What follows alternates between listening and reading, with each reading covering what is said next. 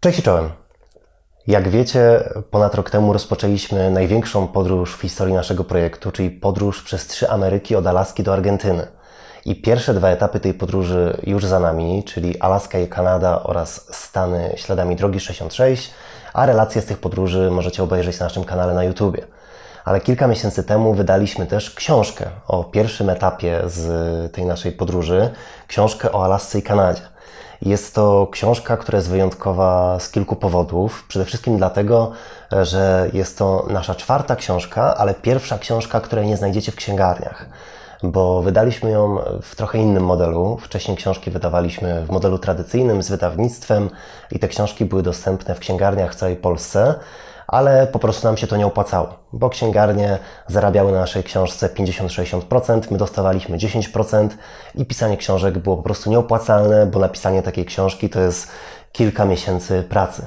Tym razem założyliśmy własne wydawnictwo i wydaliśmy tą książkę sami we współpracy z naszym starym wydawnictwem, ale już bez współpracy z księgarniami. Dlatego ani tej książki, ani naszych innych książek nie znajdziecie już w księgarniach. Możecie je kupić tylko i wyłącznie na naszej stronie internetowej w naszym sklepie. I ta książka jest też e, wyjątkowa z tego powodu, że mm, ponieważ mogliśmy ją wydać sami i mogliśmy na niej więcej zarobić, to mogliśmy sobie też pozwolić na to, żeby część naszego zarobku przekazać na jakiś cel charytatywny. I każda nasza kupiona książka to jest jeden obiad ufundowany w ramach akcji Pajacyk dla niedożywionych dzieci w Polsce. Ta książka e, to jest nie tylko książka przygodowa, e, bo poza tym, że opowiada o różnych ciekawych historiach, które nam się przydarzyły w tej podróży, to jest to też książka poradnikowa. I za pomocą tej książki staramy się przekonać Was do tego, że taka wyprawa na Alaskę jest osiągalna dla każdego i że można to zrobić bardzo tanio. I tutaj w książce co chwilę znajdziecie takie tabelki z poradami tanie podróżowanie w praktyce, gdzie pokazujemy, jak coś zrobić taniej, jak na czymś podczas takiej podróży zaoszczędzić. I zawsze jak wydawaliśmy nasze książki, to w całej Polsce robiliśmy spotkania autorskie, ale to były spotkania autorskie tylko takie na żywo. A w tym roku postanowiliśmy, że poza tym, że zorganizujemy kilkanaście takich spotkań w dużych miastach, to zorganizujemy też jedno spotkanie online bo zawsze przy okazji tych naszych spotkań pisaliście nam, że nie mogliście dotrzeć na jakieś spotkanie, albo że w ogóle jesteście z zagranicy i za granicą takich spotkań nie organizujemy.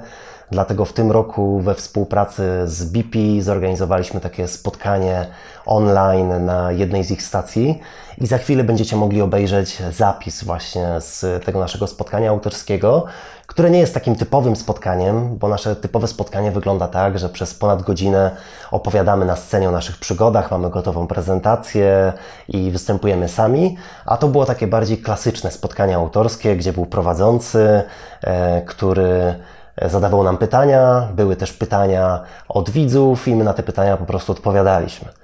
E, po obejrzeniu tego filmu dowiecie się też, jak można taniej kupić tą naszą książkę, bo na koniec filmu podam specjalny kod rabatowy, za pomocą którego przez najbliższe 48 godzin będziecie mogli i tą książkę, i nasze pozostałe trzy książki zamówić w naszym sklepie z darmową wysyłką. Także możecie zaoszczędzić kilkanaście złotych a też polecam te książki, y, bo to są książki nie tylko dla ludzi, którzy śledzą nasze podróże, ale też dla ludzi, których chcielibyście zainspirować do tego, żeby wyruszyć w jakąś podróż i są bardzo fajnym pomysłem na prezent.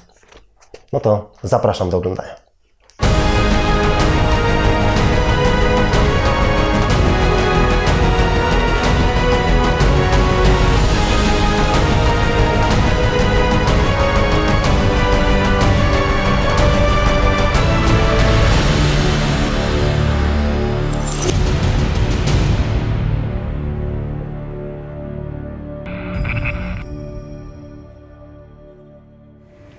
Cześć, e, witam Was wszystkich bardzo serdecznie na spotkaniu autorskim z podróżnikami Olą i Karolem Lewandowskimi. Cześć.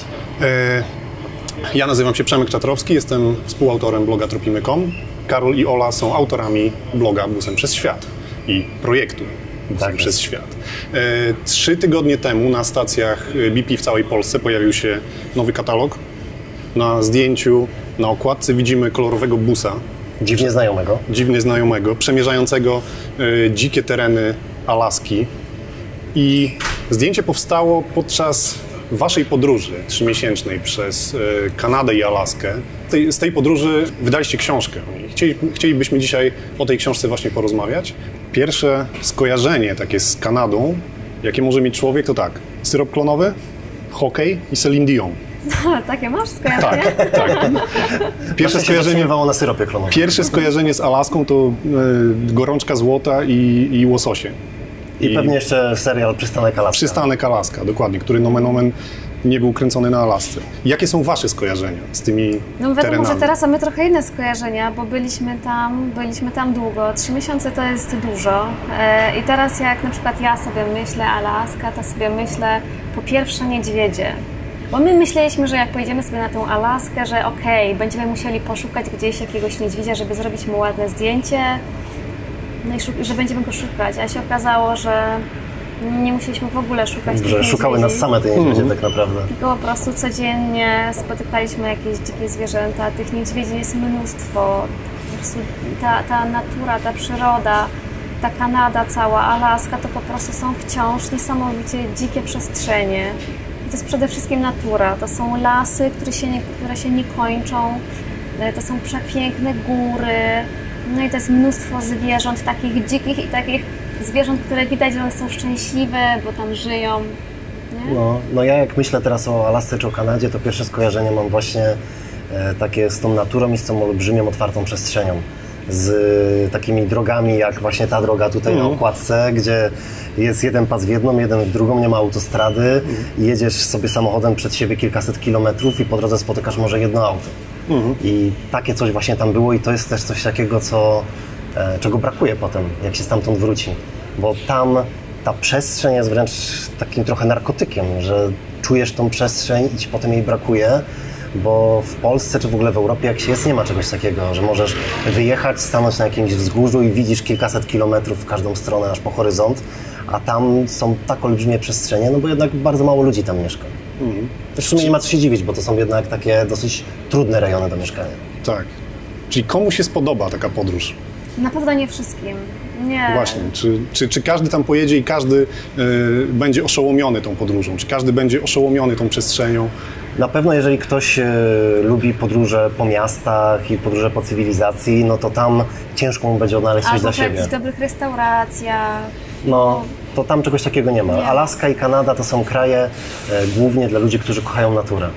I, I dla ludzi przede wszystkim, którzy lubią taką podróż jednak troszeczkę bardziej survivalową, e, bo wiadomo, że no, jest kilka dużych miast i jak ktoś chce, to tam pojedzie i tam będą restauracje, będą hotele i tak dalej. Ale jednak e, to, co nam się najbardziej tam podobało, to to, że można wziąć ze sobą namiot, e, zapakować e, sprzęt kempingowy do samochodu i się jedzie po prostu w naturę i wszędzie się można rozłożyć, można za darmo tak nocować. Jak ktoś coś takiego lubi, czy jeszcze jak ktoś lubi na przykład łowienie ryb, no to to już jest w ogóle raj dla niego, bo tam e, są takie rzeki, gdzie wejdziesz do rzeki i możesz gołymi rękami łowić łososie. I sami braliśmy udział w czymś takim, że faktycznie tych łososi jest tak dużo. Musisz mieć pozwolenie. No tak, Że nie mieliśmy, to my sami tego nie robiliśmy. Czyli nawet dla sportu nie można takiego łososia wyjąć, no wiadomo, żeby go potem wypuścić. wyjąć i wrzucić, Dla tak, sport, ale... w sensie dla znęcania się. Yy, no nie nie. Jeżeli nie zrobić mu krzywdy, to... Nie no, ale jeżeli chcesz już y, łowić te ryby, żeby potem je zjeść, no to faktycznie musisz kupić pozwolenie, ale takie pozwolenie za 10 dolców kupisz sobie w supermarkecie pierwszym lepszym, więc to też nie jest problem. To też jest właśnie bardzo fajne tam, że ruszasz w taką podróż i możesz być samowystarczalny, bo e, po pierwsze właśnie nocujesz sobie pod namiotem, czy w swoim samochodzie, po drugie możesz sobie coś upolować, czy możesz złowić te ryby, których jest pełno, e, no a poza tym natura jest dostępna dla każdego. Czyli to takie, taka bardziej podróż na wyciszenie się, na, na pobycie yy, w takim pierwotnym znaczeniu, wśród natury, z daleka od cywilizacji. Trochę tak. Trochę no, tak. I myślę, że dużo ludzi też dlatego się przeprowadza na Alaskę, bo szukają właśnie czegoś takiego i chcą w taki prosty sposób pomieszkać, chcą sobie wybudować e, chatę e, z drewnianą gdzieś tam w górach Mhm. i właśnie zamieszkać, będąc samowystarczalnym, no to jak ktoś coś takiego e, chciałby przeżyć, no to to jest jedno z najlepszych miejsc. Mhm. Wspomnieliście o tych, tych cudach natury, które na każdym kroku tam można spo, spotkać. Co na Was zrobiło największe wrażenie? My już na samym początku tak naprawdę, jak e, wjechaliśmy do Kanady, to pojechaliśmy do Icefield Parkway I to jest turystyczne miejsce, to jest turys- turystyczna droga, ona ma tam niecałe 300 kilometrów i przy tej drodze tak naprawdę można spędzić nawet pół roku i wszystkiego nie zwiedzisz, To jest bo mnóstwo, droga widokowa przez góry, przez mnóstwo trekkingów się tam na tej drodze zaczyna. E, Przepięknych, przecudnych, tylko że tam jest wciąż dużo ludzi. E, No bo to jest bardzo blisko ludzi. cywilizacji dalej, blisko Toronto, Vancouver i tak dalej. No, Ale już jakby to, jak ktoś na przykład jedzie do, jedzie do Kanady, no to musi pojechać na tą drogę i musi doświadczyć chociaż paru właśnie tam... Długa jest to trasa? Sama ta droga, Icefield, to jest właśnie te prawie 300 kilometrów, więc to jest Tylko też, niedużo. też można bardzo często z niej zbaczać, gdzieś wjechać w jakieś boczne drogi pod, nie wiem, jakieś piękne jeziorko, gdzie jedziesz dodatkowe dwie godziny, czy tak jak Ola wspomniała, jest bardzo dużo takich tras trekkingowych, które musisz na piechotę pokonać. Więc na dobrą sprawę to pewnie zliczając wszystkie te trasy piesze, to tam są tysiące kilometrów i można tam pojechać parę miesięcy siedzieć. No i na przykład jak ktoś nie ma za dużo czasu, a chciałby właśnie doświadczyć właśnie takiej tej natury kanadyjskiej, takiej w pigułce, to właśnie ta droga, ta Icefield Parkway i tak naprawdę można tam siedzieć dwa tygodnie i zaliczać jeden po drugim przepiękne trekkingi. My tam byliśmy parę dni, mm, bo akurat trafiliśmy na jakieś pożary i nic No. nie było widać. Oczywiście mieliśmy pecha. Najpiękniejsze miejsce w Kanadzie akurat było całe zamknięte. Ale to też było dobre, to też było dobre, bo to jest takie, taka fajna konfrontacja, wiesz, naszych takich wyobrażeń, bo my jako turyści często mamy takie podejście, że już lecę na ten koniec świata, płacę za ten bilet Musi lotniczy, no to wszystko musi mi się udać, tak? Każdy mój plan musi zostać zrealizowany. I gdzieś tam człowiek nie bierze pod uwagę tego, że natura może ci zrobić psikusa. To chyba, to chyba najbardziej zapamiętałem z książki waszej, jako twoją wypowiedź. Mhm. A Że mi się jeżeli- właśnie mi się to podobało, bo to było takie, wiesz, ja jako fotograf, fotograf, duże słowo fotograf, jako osoba robiąca zdjęcia, Mhm. miałam takie zdenerwowanie, nie? Dlaczego? Dlaczego ja? No, było rozczarowanie. Ale To jednak. pokazuje dużo, dużo fajniejszą perspektywę, że jednak jedziesz tam i jesteś tam gościem. Tak, dokładnie. Że nie możesz dokładnie. wymagać, żeby wszystko było robione pod ciebie. No. No. Nabraliśmy szacunku ogólnie do natury przez tą podróż przez Alaskę i przez Kanadę. I Jeszcze a propos tych rzeczy, które, które gdzieś tam zrobiły na nas wrażenie w trakcie tej podróży, to na mnie olbrzymie wrażenie zrobiły lodowce. Przede wszystkim nie spodziewałem się, że jest aż tak dużo lodowców w tamtym rejonie, bo byliśmy na jakimś lodowcu na Islandii, byliśmy w Norwegii i po pierwsze tych lodowców było mało, a po drugie jak były jakieś lodowce w Europie, to one wyglądały tak, że szlak prowadzi do miejsca, które jest 200-300 metrów od czoła lodowca, tam się kończy, są barierki i z daleka sobie możesz zrobić zdjęcie i dziękujemy, wracaj do samochodu. I ten lodowiec jeszcze zazwyczaj jest, po pierwsze jest rozczarowanie, że on nie jest y, krystalicznie biały czy tam niebieski, tylko taki szary, przysypany gruzem, a po drugie jest strasznie daleko. A na Alasce jest ponad tysiąc lodowców, na całej Alasce, więc to jest olbrzymia ilość i one są na każdym kroku i przez to, że jest ich tak dużo, to one nie są takie turystyczne i szlaki do lodowców często prowadzą do samego lodowca. I my wychodziliśmy sobie pod lodowiec i mogliśmy dojść do czoła lodowca i stawałeś przed taką ścianą, która ma kilkadziesiąt metrów i mogłeś sobie ręką dotknąć takiego błękitnego lodowca i to robi zupełnie inne wrażenie i naprawdę byliśmy zszokowani, jakie to jest wielkie i jak to wygląda z bliska. Mało tego, były miejsca, gdzie można sobie kajakiem przy takim lodowcu popływać. I my mamy bardzo duże szczęście do Polaków na trasie i ja mam wrażenie, że w ogóle Polacy są wszędzie. I oczywiście się okazało, że blisko takiego lodowca mieszka Polka, która zaprosiła nas do siebie, Magda. I Magda właśnie ze swoim mężem Jimem załatwili parę kajaków i nas zabrali na taką wycieczkę. I mieliśmy okazję popływać mało, że gdzieś tam koło lodowca, to nawet mogliśmy wpłynąć do lodowca bo lodowce jak się topią, to w środku lodowca powstaje taka jakby mini rzeczka i masz taki właściwie jakby kanion, że z jednej i z drugiej strony masz wysoką ścianę lodowca, a pomiędzy taki wąwóz z tą rzeczką, po której możesz sobie popłynąć. I To nie jest tam- niebezpieczne? Właśnie, właśnie jest. I nie ma oficjalnych wycieczek. Ale to o to chodzi pewnie. Tak, tak. I gdybyśmy pewnie z jakimś biurem podróży to chcieli zrobić, to oni by się puknęli w głowę i powiedzieli, że nie można. Albo grube dolary na Albo ubezpieczenie. Tak, no i pewnie jakieś przepisy BHP by trzeba było spełniać i tak dalej. A my tam wpłynęliśmy z tym mężem Magdy, z Jimem i nieraz były takie Bo momenty... Magda została na brzegu. W sensie Tak. gdzieś tam na Magda wodzie otwartej. Powiedziała, że wiecie co, to jest niebezpieczne, ja nie będę wpływać, bo się boję. Mimo, że mieszka tam i, No. I były takie momenty, że gdzieś ten lodowiec się tak przesunął, że się nie dało wypłynąć. No to Jim tam wchodził, schodził z kajaka, wchodził na ten lodowiec, zapierał się nogą, odpychał kawałek lodowca, my sobie przepływaliśmy i płynęliśmy dalej. Czyli tak naprawdę, jeżeli byś tam wpłynął, to potem po kilku godzinach, jakbyś wracał, mogłoby się okazać, że tej drogi, którą wpływałeś, już zupełnie nie ma i musisz Tak było. kluczyć. Nawet po tych kilkudziesięciu minutach, że to wyglądało Okej. zupełnie inaczej. Okej. I my szukaliśmy innego wyjścia, no ale to wiadomo, że to nie spełniało przepisów bezpieczeństwa i pewnie Dobrze, mieliście było- drona. Mogliście, drogę mogliście, z góry, dro, mogliście No. z góry dro, drogę. Ale doświadczenie było naprawdę niesamowite i jak tak teraz myślę o Alasce, to właśnie te lodowce tak najbardziej mi się kojarzą. Mhm. I to poleciłbym na pewno każdemu, kto chce tam wyjechać w jakąś podróż. Okej. Parki narodowe? Z tego, z tego słynie przecież cała Ameryka. No parki narodowe na pewno robią duże wrażenie, szczególnie Denali, ten taki... Ale to już był- na Alasce, tak? Tak, no, no, no to to już jest Alaska, ale no, w sumie w Kanadzie tą trasę, o której opowiadałaś, czyli Icefield Parkway, to też są, to są dwa parki narodowe, Banff National Park i Jasper, Ja mam wrażenie, tak, ja mam wrażenie, że oni tam nie muszą robić więcej parków narodowych, no bo tak naprawdę wszystko tam wygląda jak, Nadawałoby jak się jeden wszystko. wielki park narodowy. I my tak naprawdę nie potrafimy z nazwy wymienić innych miejsc, w których byliśmy. One być może mają jakąś Ale swoją były nazwę. nawet, no. Ale tak naprawdę to sobie jedziesz po prostu drogą, interesuje Cię tutaj, stwierdzasz sobie, a jak pójdę sobie tą górą, to będzie przepięknie, bo tam jest wszędzie przepięknie, no to po prostu sobie idziesz i I w sumie nie musisz się zastanawiać, czy to jest akurat No. park narodowy. Znaczy, Tak. jeżeli pewnie, jeżeli yy, masz jakieś konkretniejsze plany co do na przykład nocowania gdzieś czy coś, to pewnie musisz sprawdzić, jak, to, jak Tak, to no wygląda. ale to są znaki, więc na pewno będziesz wiedział, że to jest park narodowy i że na przykład nie możesz tutaj nocować gdziekolwiek. Ale było też dużo takich miejsc, w których my nocowaliśmy pod namiotem gdzieś na dziko i te miejsca, jakieś piękne jeziora wyglądały właśnie jak park narodowy. No Pamiętam, tak, że byliśmy no. w takim jeziorze, które jakby było w Polsce, to to na bank byłby park narodowy, bo to wyglądało jak morskie oko, w tle jakieś góry, z tą różnicą, że zamiast schroniska i tysiąca turystów byliśmy my, trzy namioty i tyle. I w takim miejscu możesz sobie rozłożyć namiot, rozpalić ognisko, gdzie u nas w Polsce to by było nie do pomyślenia, bo to by był zaraz jakiś obszar pod ochroną i broń Boże tam autem nie możesz Ja podejrzewam też, że parki narodowe jednak działają tak, że jak już coś jest parkiem narodowym, no to musi być człowiek, który się tym zajmuje, tak?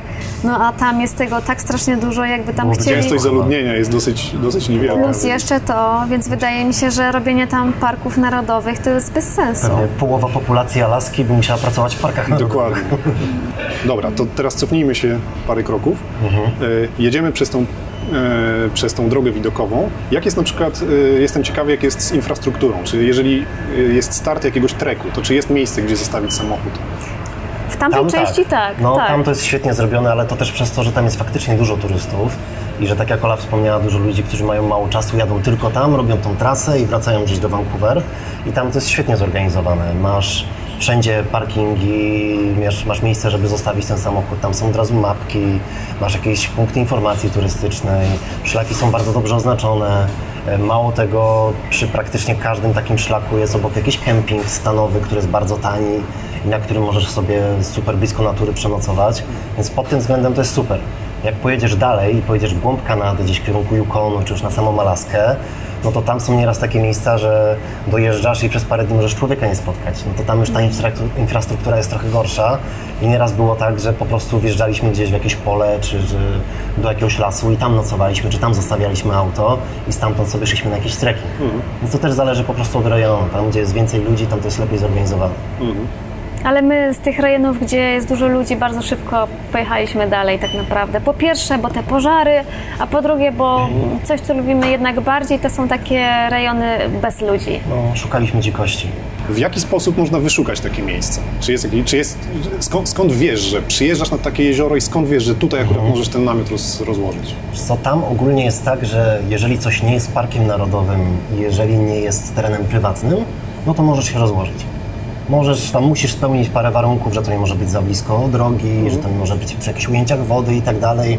Więc tak naprawdę ta natura i ta dzicz jest tak olbrzymia, że jak gdzieś wjedziesz yy, i to wiesz, że to nie jest teren prywatny czy park narodowy, no to wszędzie możesz stanąć. A poza tym nawet ciężko by było, żeby ktoś się tam znalazł. bo Po, prostu No i oczywiście to, że trzeba po sobie posprzątać, nie, Tak, nie no to, to są takie standardowe tak. rzeczy jak wszędzie już.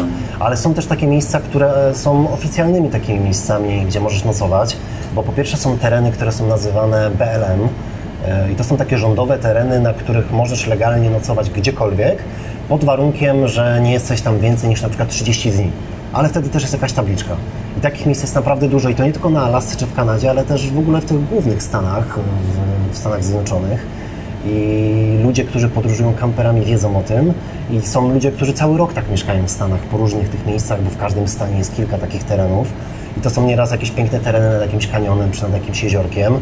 Poza tym teraz jest też kilka fajnych aplikacji, e, czy na każdej stacji benzynowej można kupić taką książeczkę, gdzie masz wypisane te miejsca, ale są aplikacje takie jak na przykład iOverlander albo Wikicamps USA czy Wikicamps Kanada, gdzie masz pozaznaczane takie sprawdzone miejsca, w których ludzie wiedzą, że tam można, że jest bezpiecznie, że jest legalnie, czy że jest nawet jakaś infrastruktura. Mhm. Bo i władze Stanów, i władze Kanady porobiły bardzo dużo takich miejsc, które są darmowymi kempingami, okay. gdzie masz nie tylko po prostu kawał polanki, ale masz też jakąś łazienkę, masz e, często kran z wodą, czy nawet się zdarzały darmowe ciepłe prysznice mhm. i za darmo na takim kempingu możesz nocować.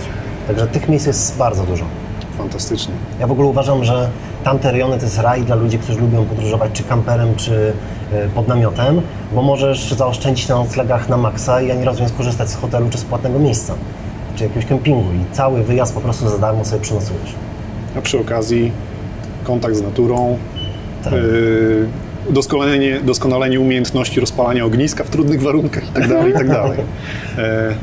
Dobra, porozmawialiśmy o tych miejscach wszystkich pięknych, yy, które tam są, ale podróż to nie tylko miejsca, ale też ludzie, których spotykacie. I mówiłeś już, że mówiliście, że do ludzi macie wyjątkowe szczęście. Yy, jacy ludzie mieszkają na Alasce, w Kanadzie? Yy, tam mam wrażenie, że mm, przede wszystkim, bo wiadomo, w miastach, no to jak to w miastach, yy, różni ludzie mieszkają, ale gdzieś e, tam daleko na północy albo na jakichś takich wyjątkowych odludziach mam wrażenie, że mieszkają tam ludzie, tak, takie dwa rodzaje ludzi. Jeden rodzaj to jest takich ludzi, którzy mm, nie, nie za bardzo lubią ludzi, mhm. e, którzy lubią mieszkać w samotni, nie potrzebują mieć sąsiadów, nie potrzebują spotkań towarzyskich E, co nie znaczy, że to są jakieś dzikusy i niefajni ludzie. Po prostu jest taki typ człowieka i. Który woli i tyle. naturę niż cywilizację. Tak, a drugi typ człowieka to taki mam wrażenie. Typ, to jest taki typ podejrzany, nie wiadomo co to robiło, gdzie to robiło, gdzie było, przed czymś to ucieka na pewno i... Tak, tak nam ludzie opowiadali, że jest bardzo dużo ludzi, którzy właśnie wyprowadzili się na laskę, bo przed czymś uciekali. Mm. I to widać, widać jak się... Spotkaliście jednych i drugich? E, no, tak, tak, no. Tak. I tych drugich akurat, e, ci drudzy to są tacy ludzie, którym się nie, nie zadaje pytań nie, nie, nie. o to, dlaczego tutaj są, przed czym uciekali i tam ludzie nam opowiadali, że mają w swojej wiosce tam, nie wiem, 100 osób i te domy bardzo często są gdzieś porozrzucane, czasem nawet kilkadziesiąt kilometrów od siebie i oni wiedzą, że tam mieszka taki gościu, który się nazywa John mm. i spotykają Chyba go na John. zakupach, Chyba, ale oni nie Bo wiedzą do końca, czym on się zajmuje, ani e, skąd on się tutaj wziął i przed czym uciekał, ale wiedzą, że nie za chętnie mówi o sobie. Także to są tacy bardzo specyficzni ludzie i dużo ciekawych ludzi tam spotykaliśmy i takich ludzi bardzo niepozornych, bo na przykład poznaliśmy e, taką kobitkę w Kanadzie, która na co dzień tak oficjalnie pracuje jako kierowca autobusu szkolnego. Wygląda bardzo niepozornie, jeździ tym takim typowym, klasycznym e, żółtym, żółtym autobusem, tak. rozwozi dzieci i tak dalej. I byś powiedział, że o, taka zwykła ciocia. Ale jak e, ją poznaliśmy trochę lepiej, to się okazało, że ta zwykła ciocia to jest tak naprawdę super doświadczony traper, i ona, e, jak nie rozwozi dzieci, to się zajmuje rozstawianiem pułapek na rosomaki, na wilki, obdziera ze skóry jakieś zwierzęta, sprzedaje potem te skóry. E, w ogóle w środku zimy przy minus 40 jeździ taką, takim pojazdem, który sobie zbudowała z dwóch skuterów śnieżnych i które są połączone jakimś drążkiem specjalnym. Z tyłu wiezie za sobą zbudowany przez siebie taki dom e, niedźwiedzioodporny, wywozi to gdzieś w dzicz, tam sobie to rozstawia, wtedy chodzi po puszczy, żeby rozstawić pułapki i po kilku dniach zbiera to, co się do tych pułapek złapie. A miejscowi w ogóle ją nazywają babcią gryzli. Okay. I nigdy byś o niej nie powiedział, że czymś takim się zajmuje. Ale przez to, że e, ceny skór bardzo poszły w dół w ostatnich latach, no to to jej nie wystarcza, żeby się utrzymać, więc sobie jeszcze dorabia jako ten kierowca. Bo to jest ciekawe, bo, czy, bo zwykle jest tak, że jest odwrotnie, że to ktoś E, pracuje, w, jak, ma normalną pracę, można by to było tak określić, a, a zajmuje się czymś takim egzotycznym bardzo jako, no. jako, jako dorobienie. I to też ciekawa, ciekawa różnica, różnica między traperem a myśliwym. Tak, to też pamiętam, że... Też, też się właśnie tam dowiedzieliśmy w ogóle na czym to polega, bo ja na początku szczerze mówiąc nie wiedziałem. Wiedzieliśmy, co to że traper, traper, no to to tropi, hunters, ale jakby po, po co tropi, nie? Mhm. I tutaj, tutaj właśnie jest ta różnica. Po co on tropi? Ona tropi no właśnie nie po to, żeby to mięso sobie, znaczy No nie, też bo for, tropi, forma polowania na te zwierzęta Tak, jest inna. bo, Bo no. myśliwy idzie z bronią i strzela, Strzela i potem sam zabiera zabija, zwierzę. a traper nie zabija sam, traper nie używa broni, traper używa tylko pułapek Mhm. i rozstawia je gdzieś, a potem przychodzi do zwierzęcia, które już jest złapane po prostu. Mhm. Też pewnie musi je czasem dobić, więc jakoś zabija, ale w sumie nawet nie wiem jak. Yy, A Polacy? Bo wspomniałeś, że spotkaliście się z Magdą, yy, która tam mieszka. Spotkaliście jeszcze jakichś innych Polaków? Przede wszystkim e, byliśmy pod wrażeniem, jak dużo naszych widzów mieszka gdzieś na trasie, bo wydawało nam się, że i Kanada, i Alaska, przez to, że to są takie mało zamieszkane rejony, no to, że raczej tam nie spotkamy nikogo, kto gdzieś nas zaprosi, czy kto ogląda naszego YouTube'a, a się okazało, że praktycznie co tydzień ktoś nas do siebie zapraszał i faktycznie ci Polacy gdzieś tam na trasie bardzo nam towarzyszyli, bardzo pomagali. Polacy w Stanach to bardziej Chicago, nie? Się No, mogłoby się tak wydawać, a tu się okazuje, że właściwie wszędzie mieszkają Polacy, ale mieliśmy też kilka takich przypadkowych spotkań z Polakami. Jedno z najciekawszych było w północnych górach skalistych e, w Kanadzie, jak już byliśmy bardzo blisko Alaski. Tam się zatrzymaliśmy przy takim opuszczonym motelu Widmo, bo bardzo lubimy takie opuszczone miejsca. E, I lubimy sobie po prostu poeksplorować, a tam w tamtych rejonach tego jest bardzo dużo, bo ta droga Alaska Highway, która wiedzie na Alaskę, kiedyś była dużo bardziej uczęszczana, było dużo stacji, hoteli. Teraz mało kto tą drogą jeździ, bo wszyscy wolą polecieć samolotem w dwie godziny niż jechać dwa tygodnie samochodem. Jest bardzo dużo opuszczonych tych miejsc. I właśnie jak sobie zwiedzaliśmy jedno z takich opuszczonych miejsc, to mieliśmy wrażenie, że nie jesteśmy tam sami bo przez to, że to takie miejsce, które tam już od chyba 20 lat e, stoi opuszczone, no to wszystko skrzypi. Jeszcze w Stanach się buduje to w taki sposób, że to jest drewniane czy takie wręcz papierowe. I było już dosyć ciemno i po prostu stwierdziliśmy, że jest jakoś tak trochę strasznie, wychodzimy stąd. I okazało się, że chyba faktycznie nie byliśmy sami, bo w jednym z budynków z komina się unosił dym. Jak podeszliśmy z Olą, żeby sprawdzić, co tam się dzieje, to wyszedł ktoś z tego budynku i Ola zdążyła tylko powiedzieć po angielsku, że jesteśmy turystami z Polski. I po tym e, ten człowiek, który tam wyszedł, popatrzył na nas i powiedział, no to witamy, witamy. I powiedział to po polsku. I okazało się, że to był Polak, e, pan Waldek, który w takim opuszczonym budynku mieszka sobie już od tam bodajże 7 lat. Tak? No. Siedem. E, bo e, wcześniej mieszkał w Toronto, ale emerytura nie starczała mu na takie zwykłe mieszkanie i szukał jakiegoś takiego miejsca, żeby zamieszkać gdzieś bliżej natury. W ogóle myślał, że sobie wybuduje, e, wybuduje jakąś chatę drewnianą gdzieś w górach, ale trafił na ten opuszczony motel. Jeden z budynków sobie tam przerobił właśnie na taką swoją siedzibę i mieszka tam razem z jakimiś oswojonymi wiewiórkami, oswojonymi myszami w takim miejscu, gdzie jest kilka godzin w ogóle do najbliższego miasta. Także nawet w takim miejscu można spotkać Polaka. To w tym momencie ta babcia Grizzly już nawet takiego wrażenia nie robi, jak spotkanie z Polakiem w opuszczonym motelu Widmo, gdzieś y, kilkaset kilometrów od najbliższych Tak, a jak się potem jeszcze okazało, że on w ogóle był ze Świdnicy, tak jak ja, a Świdnica nie jest dużą miejscowością, a potem powiedział, że jak y, mieszkał w Świdnicy, to pracował w tej samej fabryce co mój tato. No to A znali, ogóle, znali się? E, wiesz co, pracowali w tych samych latach i prawdopodobnie nawet gdzieś tam się mijali Pewnie na się korytarzu, minęli. ale jak pytałem potem mojego taty, no to mówi, że nie kojarzy. Fantastyczne byłoby to, gdybyś się przedstawił, a on by kojarzył nazwisko. To, nie, to, to, Nie, bo ja bym w to nie uwierzył wtedy nawet. No. Nie przesadzaj, Przemek. Słuchaj. Dobra. Nie, Czasem jak o tym opowiadamy, to ludzie wręcz nie wierzą w takie historie. Dlatego całe szczęście, że mamy filmy i że mamy nagrane nawet takie spotkanie z panem Waldkiem, bo no, ja bym sam nie uwierzył w to, gdyby No. nie było dowodów na coś Dobra, takiego. to ze- zejdźmy z tych chmur, zejdźmy z, z, z tej abstrakcji, czasami y, tego, co się nazywa, tak możemy y, uznać za abstrakcję totalną i, i zejdźmy tak na taki praktyczny poziom. Okej. Jak się można do takiej podróży przygotować? Jak długo trzeba się przygotowywać, żeby wyjechać na trzy miesiące, żeby przejechać Kanadę i Alaskę? Jeżeli to dla kogoś będzie jedna z pierwszych podróży, no to dobrze jest się porządnie przygotować i szykować się pewnie parę miesięcy. My, jak się szykowaliśmy na tą podróż, no to może z tydzień nam zajęły takie główne przygotowania.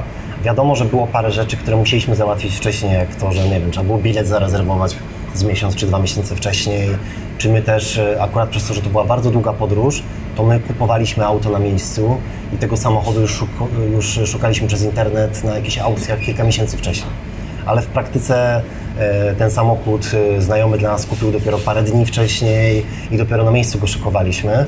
Ale tak jak ktoś e, szykuje taką własną podróż i będzie wynajmował tam auto na miejscu, no to myślę, że parę tygodni to jest wystarczające.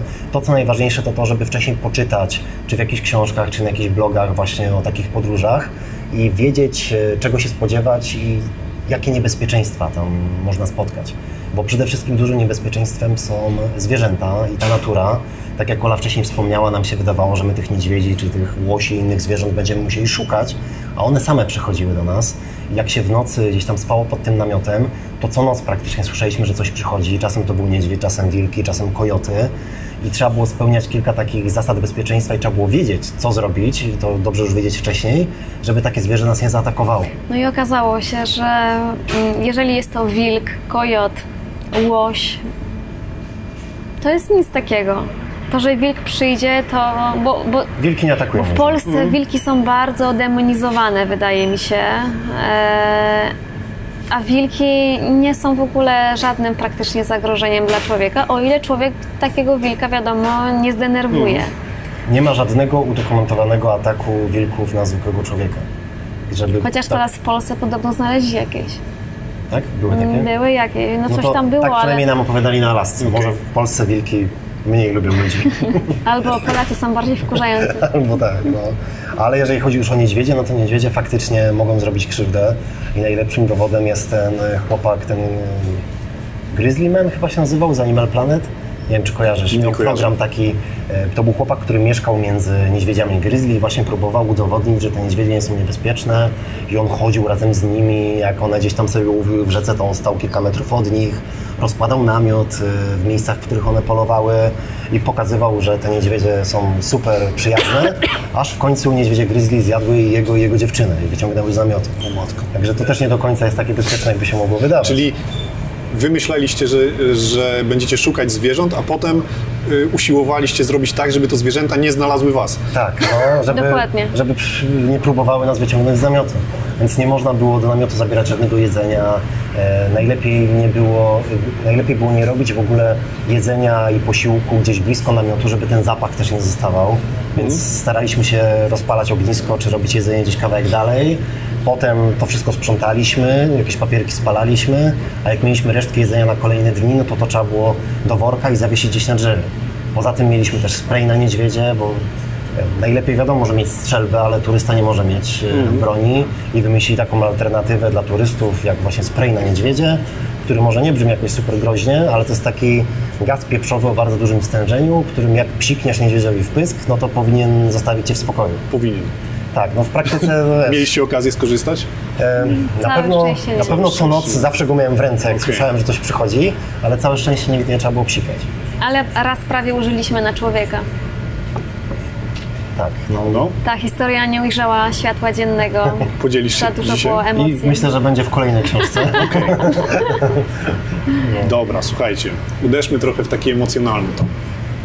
Bo ta podróż to była podróż do źródeł tak naprawdę. Ja bym ją tak określił, jak, jak śledziłem wasze wcześniejsze historie, wasze motywacje i tak dalej. To była podróż, która miała y, na celu dotrzeć do miejsca, w którym Wszystko przez zaczęło. świat się zaczęło. Trochę tak. Możecie o tym trochę więcej opowiedzieć? No, y, cały ten nasz projekt i ten blog i w ogóle nazwa Busem przez świat i tak dalej powstały w 2009 roku niedługo po tym, jak e, obejrzeliśmy film Into the Wild, który w Polsce był pod tytułem Wszystko za życie. E, I to jest taki film na faktach, który opowiada prawdziwą historię amerykańskiego autostopowicza Aleksandra Supertrampa, który rzucił wszystko, pozbył się swoich dokumentów i ruszył w taką epicką podróż przez całą Amerykę, która się skończyła właśnie na Alasce i tam na Alasce zamieszkał w takim starym autobusie, który zresztą gdzieś tu nawet mamy na jednym ze zdjęć. E, I ten film bardzo dużo osób zainspirował do tego, żeby zacząć podróżować i z nami też tak było. My po tym filmie stwierdziliśmy, że chcemy ruszyć swoją podróż. E, wtedy powstał projekt Busem przez Świat i jak parę lat później się dowiedziałem, że ten autobus jest prawdziwy i że znajduje się gdzieś na Alasce, no to stwierdziłem, że musimy kiedyś do tego autobusu dotrzeć. I takim symbolicznym celem tej pierwszej, tego pierwszego etapu było właśnie dotarcie do tego autobusu, który, o, tu nawet mamy zdjęcie, wygląda ten autobus mniej więcej tak, taki stary, szkolny autobus, w którym ten Aleksander Czyli uwaga na spoilery, mieszkał. dotarliście. No właśnie, y, są dwa autobusy. Jeden ten y, prawdziwy, drugi, który wystąpił w filmie i ten Nadal drugi... nie wiemy, który to jest. Który Tak, ten drugi jest gdzieś tam przy restauracji, więc można sobie zrobić takie zdjęcie, niekoniecznie e, przedzierając się przez puszczę, bo dotarcie do tego autobusu oryginalnego jest bardzo trudne, bo trzeba przejść 36 km w jedną stronę przez szlak, który tak naprawdę już nawet go w większości miejsc nie widać i to jest naprawdę bardzo ciężka droga, którą się idzie kilka dni. E, mamy pytanie od widzów w międzyczasie. Dobrze. E, Michał pyta, czy w czasie podróży mieliście wrażenie, że podążacie śladami Aleksandra Supertrampa?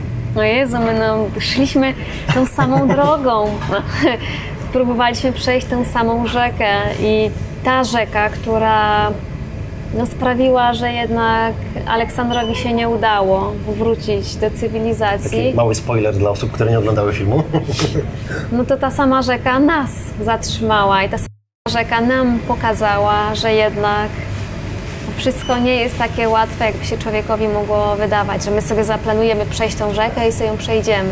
My sobie możemy planować, a jednak się okazało, że, że Ale, nie. ale jednak dotarliście do autobusu. Jednak dotarliśmy, a to już jest długa historia, tu już trzeba przeczytać książkę. Zapraszamy do Okej. książki po tą Okej, historię. czyli całą resztę. Ale na pewno, e, na pewno tak jak Aleksandra właśnie ta Alaska nauczyła troszeczkę takiego respektu do natury, to z nami też tak było.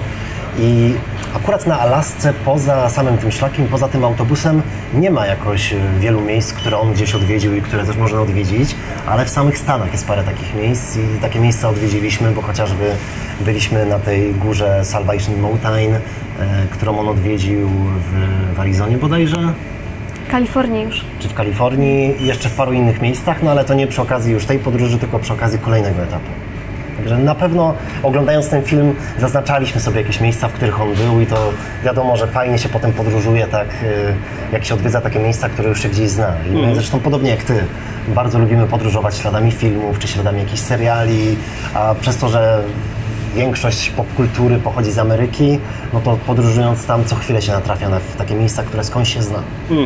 Jak chociażby ten przystanek Alaska, którego można szukać na Alasce, a potem się okazuje, że wszystko było kręcone w stanie Waszyngton, bo było tak po prostu taniej. Ale faktycznie właśnie jak się jedzie taką super prostą drogą, no to faktycznie mieliśmy tak, że jednak sobie myśleliśmy, a może tą drogą jechał, nie? Może, może właśnie tą drogą y, podążał, bo on tam y, autostopem próbował dotrzeć jak najbliżej gdzieś tam, No, to myślę, że jak musiał nawet najdalej w sensie. trasę. No musiał tą samą No. trasą jechać i tą samą, no gdzieś tam pokonywać, no ale jechał, jechał tą trasą, szukaliśmy tych samych krzaków, tych samych drzew, no ale wiadomo, no to już jest coś, co jest w No, twojej głowie, Minęło a... kilkadziesiąt lat, więc pewnie nawet jakby się gdzieś podpisał, no to już nie było to chyba tego. bardziej dla siebie masz tak, takie coś, że po prostu czujesz, że, że jedziesz i to, czego nie znajdziesz, to sobie dowyobrażasz. E, dokładnie. Na pewno fajnie było odwiedzić e, ten autobus i to miejsce i fajne takie symboliczne było to, że po 10 latach prawie od stworzenia projektu Busem przez Świat dotarliśmy do tych źródeł i takie mocno sentymentalne to było i ja się taki bardziej spełniony czułem po tym wszystkim. I dopiero jak odwiedziliśmy ten autobus, to czuliśmy, że stamtąd możemy ruszyć w tą podróż przez trzy Ameryki, możemy jechać dalej na południe. Okej. No to tak trochę kontynuując, a trochę zmieniając y, kolor może tej opowieści, bo wiadomo, że y, jak opowiadałeś, że, y, że napotkaliście na problemy y, duże podczas dotarcia do tego autobusu. Wiadomo, że w człowieku też podczas takiej długiej podróży mogą się różne z, y, frustracje rodzić, zmęczenie y, i tak dalej. I Mamy też, i też kontynuując wątek y, pytań od widzów, czy trafiają wam się jakieś takie kłótnie na noże wręcz? Kto jest, tym, kto, kto jest tą osobą, która łagodzi sytuację, yy, łagodzi te konflikty i jak, jak Właśnie ostatnio, m, ostatnio właśnie poradzić? robiąc y, jakiś tam dłuższy wywiad, gdzieś tam ktoś właśnie ten temat bardzo próbował gdzieś y, powałkować i to jest i to jest w sumie bardzo ciekawy temat, y, bo też nie do końca byliśmy świadomi, jak to u nas działa, bo, bo my się w podróży nie kłócimy i to jest dziwne, tak? Ale to ludziom- zawsze ja, było za ja, to, mało. ja to doskonale rozumiem, ale, Ale... Ludziom się często wydaje, że przez to, że tam są ciężkie warunki, że, różne powinniśmy się. sytuacje, takie, coś się zepsuje, to ktoś się okradnie, że to są idealne momenty, żeby się pokłócić.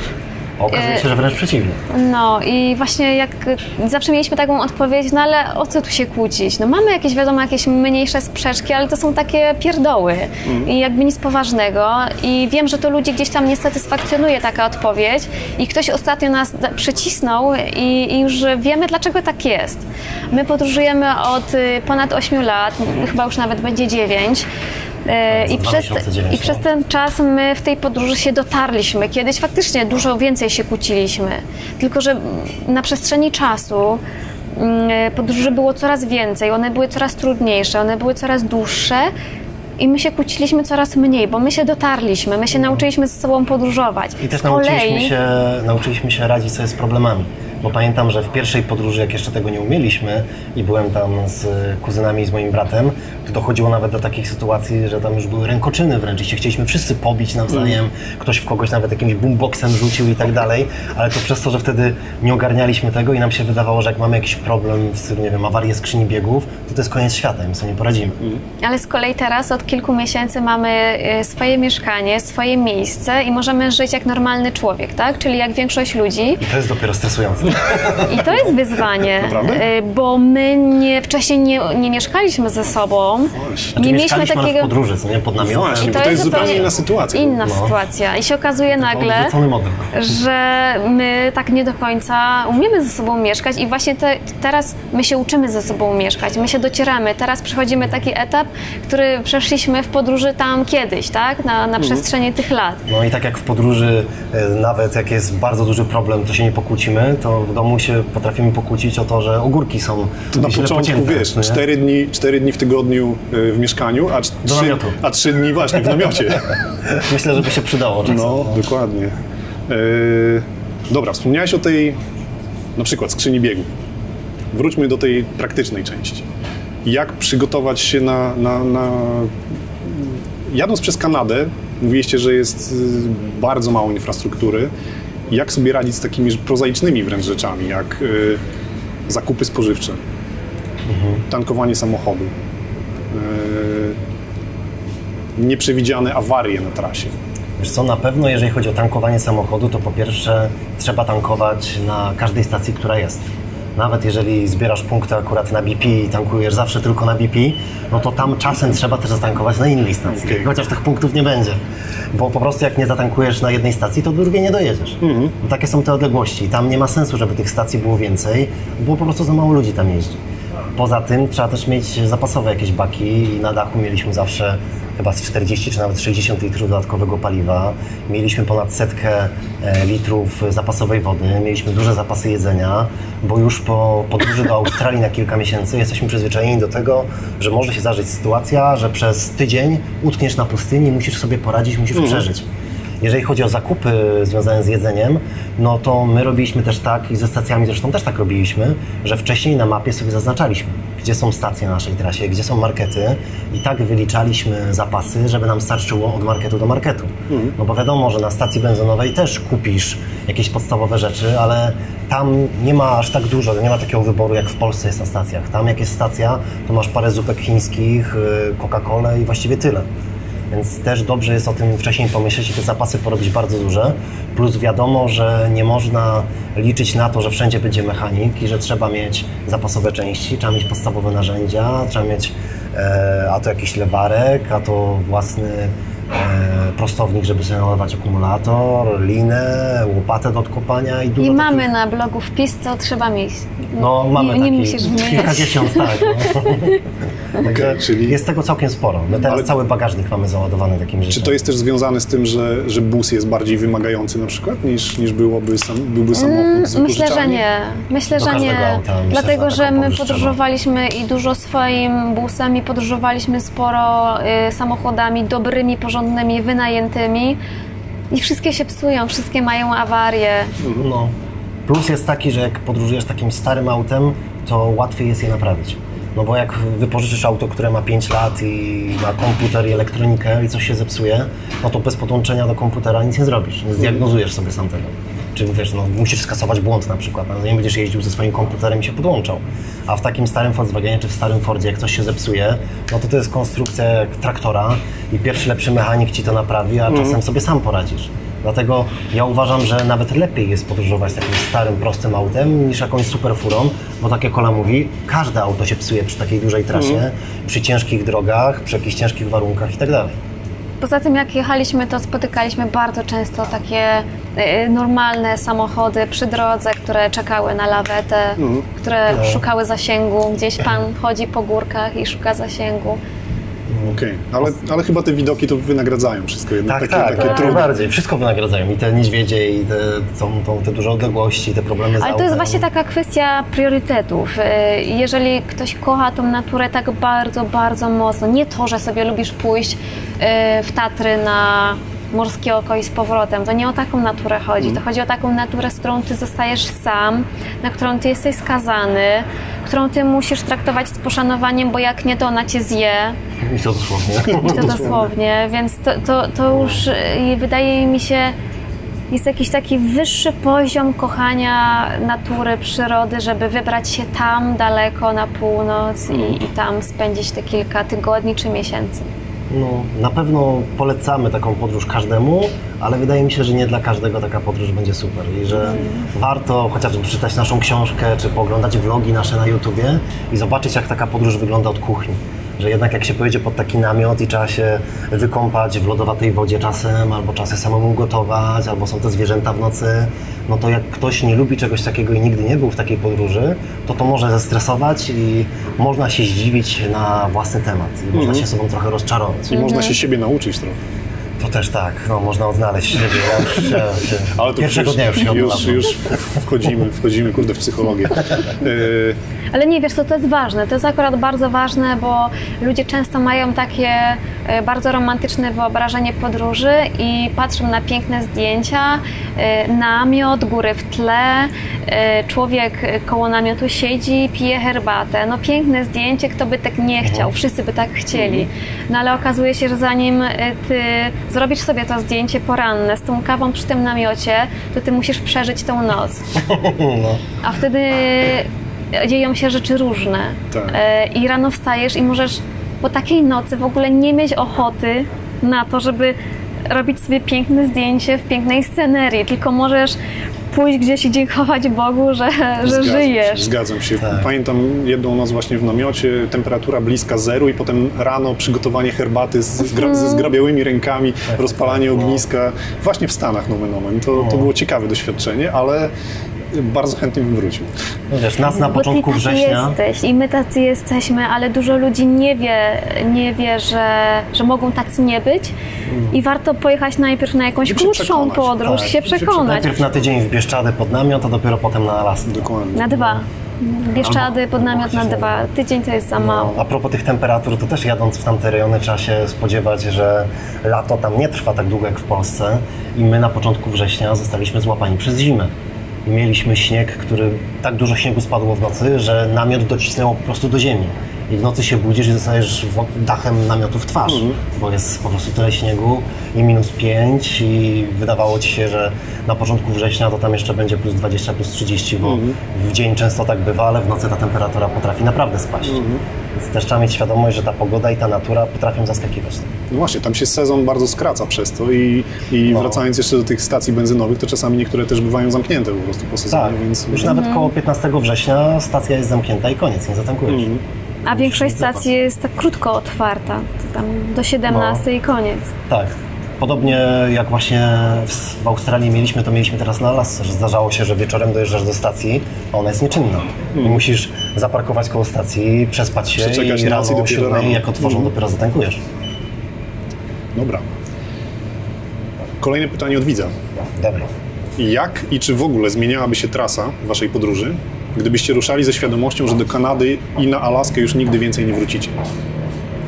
Myślę, że na pewno by się zmieniła. Tak. Y, Pierwsze, co mi przychodzi na myśl, to jak byliśmy, nie pamiętam gdzie, gdzieś na Alasce, nie, Yukon?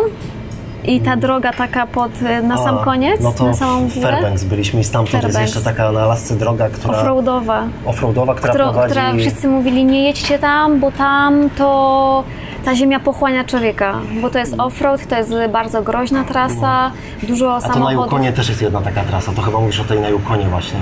Bo są i na Yukonie i w Alasce takie dwie miejscowości, które są najdalej wysuniętą miejscowością na Alasce na północ i na Yukonie na północ.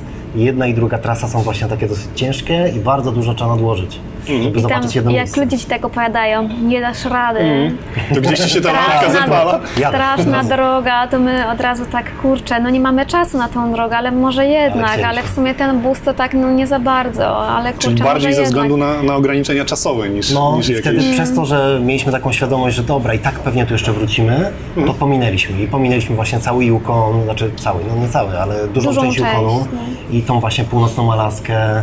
Czy też jest dużo fajnych wysp na Alasce, do których nie da się dojechać autem, do których trzeba albo dolecieć, albo dopłynąć, ale są bardzo ciekawe i są fajne parki tam. I to wszystko pomijaliśmy przez to, że właśnie tego czasu było nie za dużo, bo mieliśmy tylko trzy miesiące na tą No właśnie, ale to podejrzewam, że kolejne 3 albo 6 miesięcy byłyby potrzebne, Pewnie żeby tak. taką trasę całą zrobić. Ale myślę, że to są na pewno takie miejsca, że, że musimy do nich jeszcze wrócić. No, Mhm. na pewno. Myśleliście, żeby tam e, zostać już na zawsze? Żeby się tam przeprowadzić? Nie, Nie? Czy na pewno e, Alaska jest bardzo zachęcająca, żeby tam zamieszkać, bo jest te dużo... tysiąc dolców tak No, cię tak, grzeją. tak, te tysiąc dolców do mnie przemawia, Tysiąc dolców? bo e, na Alasce przez to, że oni mają bardzo mało ludzi i mało kto chce tam mieszkać mimo wszystko, no to rząd e, Alaski zachęca ludzi w taki sposób, że każdy, kto się przeprowadzi na Alaskę, dostaje od rządu tysiąc dolarów do ręki co roku. Każdy obywatel. Czy jak pojedziesz tam pięć osób Tak jak rodziną, 500 plus, tylko No, tysiąc 1000 plus. dolców No. plus. Okej. Ale raz do roku. Więc dostajesz coś takiego na zachętę. Poza tym na Alasce nie ma podatku dochodowego, więc więcej z tego, co zarabiasz, zostaje w Twojej kieszeni. E, No, na widzę, że już oczy I wspomnieliście też, że można przecież polować. Tak, za bardzo małe pieniądze możesz polować na bardzo dużo zwierząt i możesz po prostu w ten sposób się wyżywić przez cały rok. E, Bardzo tanio możesz pozyskiwać sobie drewno na wybudowanie domu, na ogrzewanie tego domu i tak dalej. Więc jest bardzo dużo takich plusów, ale są też minusy. No to ciekawe, ile osób już biletów szuka. No, Dajcie właśnie, znać. Jeżeli ktoś szuka, to ja od razu podam parę minusów. Po pierwsze, przez pół roku jest ciemno. No bo są dni polarne i noce polarne i jak e, w środku zimy tam masz przez godzinę czy przez dwie godziny tylko słońce, a potem jest ciemno, no to to jest bardzo depresyjne. E, Po drugie, przez większość roku jest bardzo zimno i masz takie srogie zimy tam po minus 30, minus 50 i to jest bardzo ciężkie. A poza tym też właśnie te odległości są bardzo duże i jeżeli ktoś potrzebuje korzystać z dobrodziejstw cywilizacji, jak chociażby, nie wiem, kino albo galeria handlowa, no to tam się może okazać, że wyjazd do najbliższej galerii handlowej to jest wyjazd na cały weekend albo na tydzień, zanim dojedziesz do dużego miasta. Więc to też i pod względem wyjazdów turystycznych, i pod względem zamieszkania nie jest dla każdego. Ale jak ktoś kocha naturę, no to na pewno warto o tym Czyli na pomyśleć. 3 miesiące, na 6 miesięcy jako taka, taka mini ucieczka jest ok. Tak, ale właśnie chyba w, głównie w tym sezonie letnim. Okej. Dobra, pytanie, kolejne pytanie od widzów. Asia pyta, jak z internetem i zasięgiem telefonicznym w tamtych rejonach?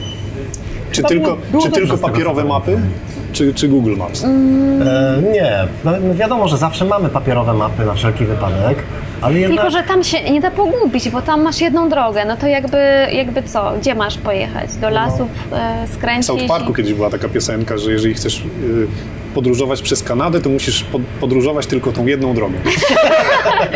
Widzisz? Jaka mądra bajka? Więc to w praktyce trochę tak wygląda. No. E, wiesz co, my e, przed tą podróżą wiadomo, że no nie korzystaliśmy z roamingu, tylko kupiliśmy sobie jakąś lokalną kartę z internetem i to też nie było tak, że codziennie wieczorem mieliśmy ten zasięg, no bo wieczorem jak spaliśmy w dziczy, to nie było zasięgu. Praktycznie nigdy. Poza tym są ważniejsze rzeczy wtedy. Tak, no, niż oglądanie nowego odcinku Gry o Tron gdzieś tam na Dokładnie. końcu świata. Ale Poza tym też y, drogi są tam strasznie dobrze oznaczone No. i, ty, i fajne jest to, co na przykład w Polsce nam brakuje, że wiadomo, czy jedziesz na północ, na południe, na wschód czy zachód i jakby jakby to ci czasami wystarcza. Plus jeszcze w końcu, jak dojedziesz, nie wiem, do skrzyżowania, to będziesz miał te znaki, czy chcesz jechać do takiej miejscowości, czy, czy jechałeś do takiej, więc jakby to jest takie... trzeba się postarać, Łatwe. żeby się tam zgubić. Więc do tego zasięgu nie potrzebujesz, ale jak już bardzo potrzebujesz tego zasięgu, no to w każdym miasteczku jest jakaś antena i ten zasięg złapiesz. I masz dostęp do telefonu, wtedy masz dostęp do e, internetu i tak dalej. My tego zasięgu nie potrzebowaliśmy, ale też e, niektórzy czasem pytają o to, bo to jest dla nich takie poczucie bezpieczeństwa. No bo jak Tak. jesteś gdzieś w dziczy i nie ma zasięgu i coś ci się stanie, no to co masz wtedy zrobić? I my na taki, na taki wypadek mamy zawsze nadajnik satelitarny. Bo często nam się zdarza, jak chociażby ten szlak do autobusu Supertrampa, tam nie było zasięgu. I wychodzisz na 4-5 dni w dzicz, gdzie cię mogą zjeść niedźwiedzie, gdzie może porwać cię rzeka, już parę osób w tej rzece zginęło i wiesz o tym, no to to jest faktycznie niebezpieczne. I na taką trasę ja radzę, żeby zawsze mieć ze sobą taki sprzęt, który kosztuje tam około 1000 zł plus abonament coroczny, ale nawet jak jesteś w miejscu, gdzie kompletnie nie ma zasięgu i coś ci się stanie, nie wiem, złamiesz nogę, to potrzebujesz pomocy, wciskasz przycisk SOS i wtedy najbliższa służba jest powiadamiana, dostają Twoje koordynaty GPS i są w stanie Cię uratować. I to jest taki sprzęt, który używają na przykład alpiniści czy himalaiści. Aleksander Doba, który płynie przez ocean, tego używa, ale każdy człowiek, nawet na taką podróż, może sobie coś takiego kupić. Także wbrew pozorom, jak ludzie czasem patrzą na tego kolorowego busa i na to, że my się tydzień szykujemy do takiej podróży i mogą myśleć, że jesteśmy słabo przygotowani, no to my jednak jesteśmy gotowi na coś takiego. Zawsze mamy ubezpieczenie wykupione, zawsze mamy assistance tam w Stanach. Za 100 dolarów na rok masz bardzo porządny assistance, które cię praktycznie zewsząd ściągnie, a dodatkowo jeszcze masz zniżki na jakieś noclegi, kempingi i tak dalej. Także o takich rzeczach też trzeba pomyśleć przed taką podróżą, no bo jednak to nie jest jakaś super bezpieczna podróż. Jak się jedzie szczególnie w takie mniej uczęszczane drogi. Czego Was nauczyła taka podróż? To, No też, pyta, to też pytanie od widza. No bardzo, tak- bardzo trafne. Troszkę lepiej angielskiego na pewno się nauczyliśmy. Czy dowiedzieliście się czegoś nowego o- o sobie? O sobie. Uff. E, Karol bardzo, Karol bardzo lubi właśnie e, te wszystkie historie ludzi, e, którzy pojechali w podróż i odnaleźli siebie. Ja się dalej szukam jeszcze. jeszcze się nie odnalazłem. Nie wiem, może do Indii muszę pojechać albo do Nepalu.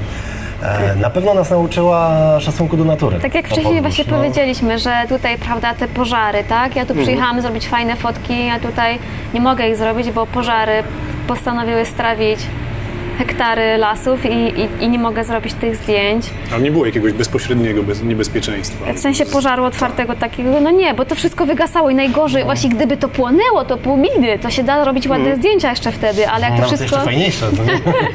Takie Ale, unikalne. ale jak się wszystko dymi, to wszystko się wygasza. No ciężko to, oddychało. To, to, i jak Tak to, to wszystko opada, tak? Bo to jeszcze ten pył cały tego dymu, jak zaczyna opadać, wszystko jest w tej szarości pokryte i jakby nic nie masz. Nie masz tych gór, nie masz tych jezior, nie masz nic, masz szarość. No to wtedy właśnie była taka pierwsza lekcja pokory. Potem właśnie ta rzeka, ta te- teklanika, e, której się nie udało pokonać, e, mimo że no, przyjechaliśmy tutaj z naszym wielkim marzeniem dziesięcioletnim. 10 lat dojrzewało w nas to pragnienie, że pewnego dnia i nagle się okazuje, że, że też nie możemy. No, że figa z makiem. I poza tym każda noc tak naprawdę i spanie mm, w tym lesie pełnym e, zwierząt, E, I to, że coś ci przychodzi, sapie do ucha, że się ociera o twój namiot i nie wiesz.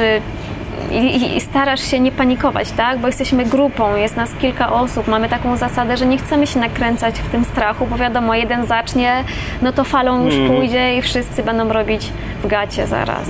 I, I to są takie właśnie sytuacje, gdzie właśnie przez te noce tak się uczyliśmy tego spokoju, tego, żeby właśnie nie panikować, że jakoś przetrwamy. No i każda noc no, była taka hardkorowa, taka emocjonalnie wydaje mi się. A podczas przekraczania tej rzeki, bo rozumiem, że szliście e, już kawał czasu tym szlakiem, do, doszliście do rzeki, która, która była tą główną przeszkodą na trasie do autobusu i ta rzeka was zatrzymała.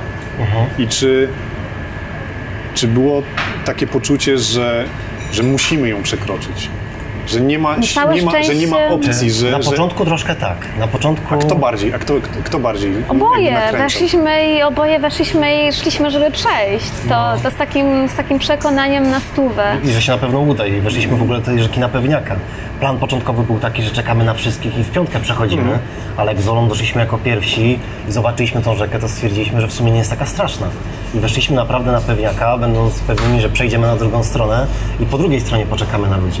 Ale się okazało, okazało, że nurt był tak mocny, ta rzeka była lodowata, śliskie kamienie i strasznie ciężko się szło i po prostu nie daliśmy rady. I jak wyszliśmy z tej rzeki, to ja byłem w takim szoku, że nam się nie udało, że ja stwierdziłem, że na pewno się nie udało, dlatego że my byliśmy we dwójkę. Że jakbym był sam, to ja bym sobie dał radę, nie? że Ola pewnie mnie tam opóźniała. No to zostawiłem Olę i od razu wszedłem drugi raz do tej rzeki. I wszedłem drugi raz i figa, znowu doszedłem do tego samego miejsca i ten sam problem. Potem próbowaliśmy i, w piątkę, i pojedynczo, i grupami, i przodem, i tyłem, i z kijem, bez kija, z linami i tak dalej. I się okazywało za każdym razem, że coraz trudniej tylko z tą rzeką.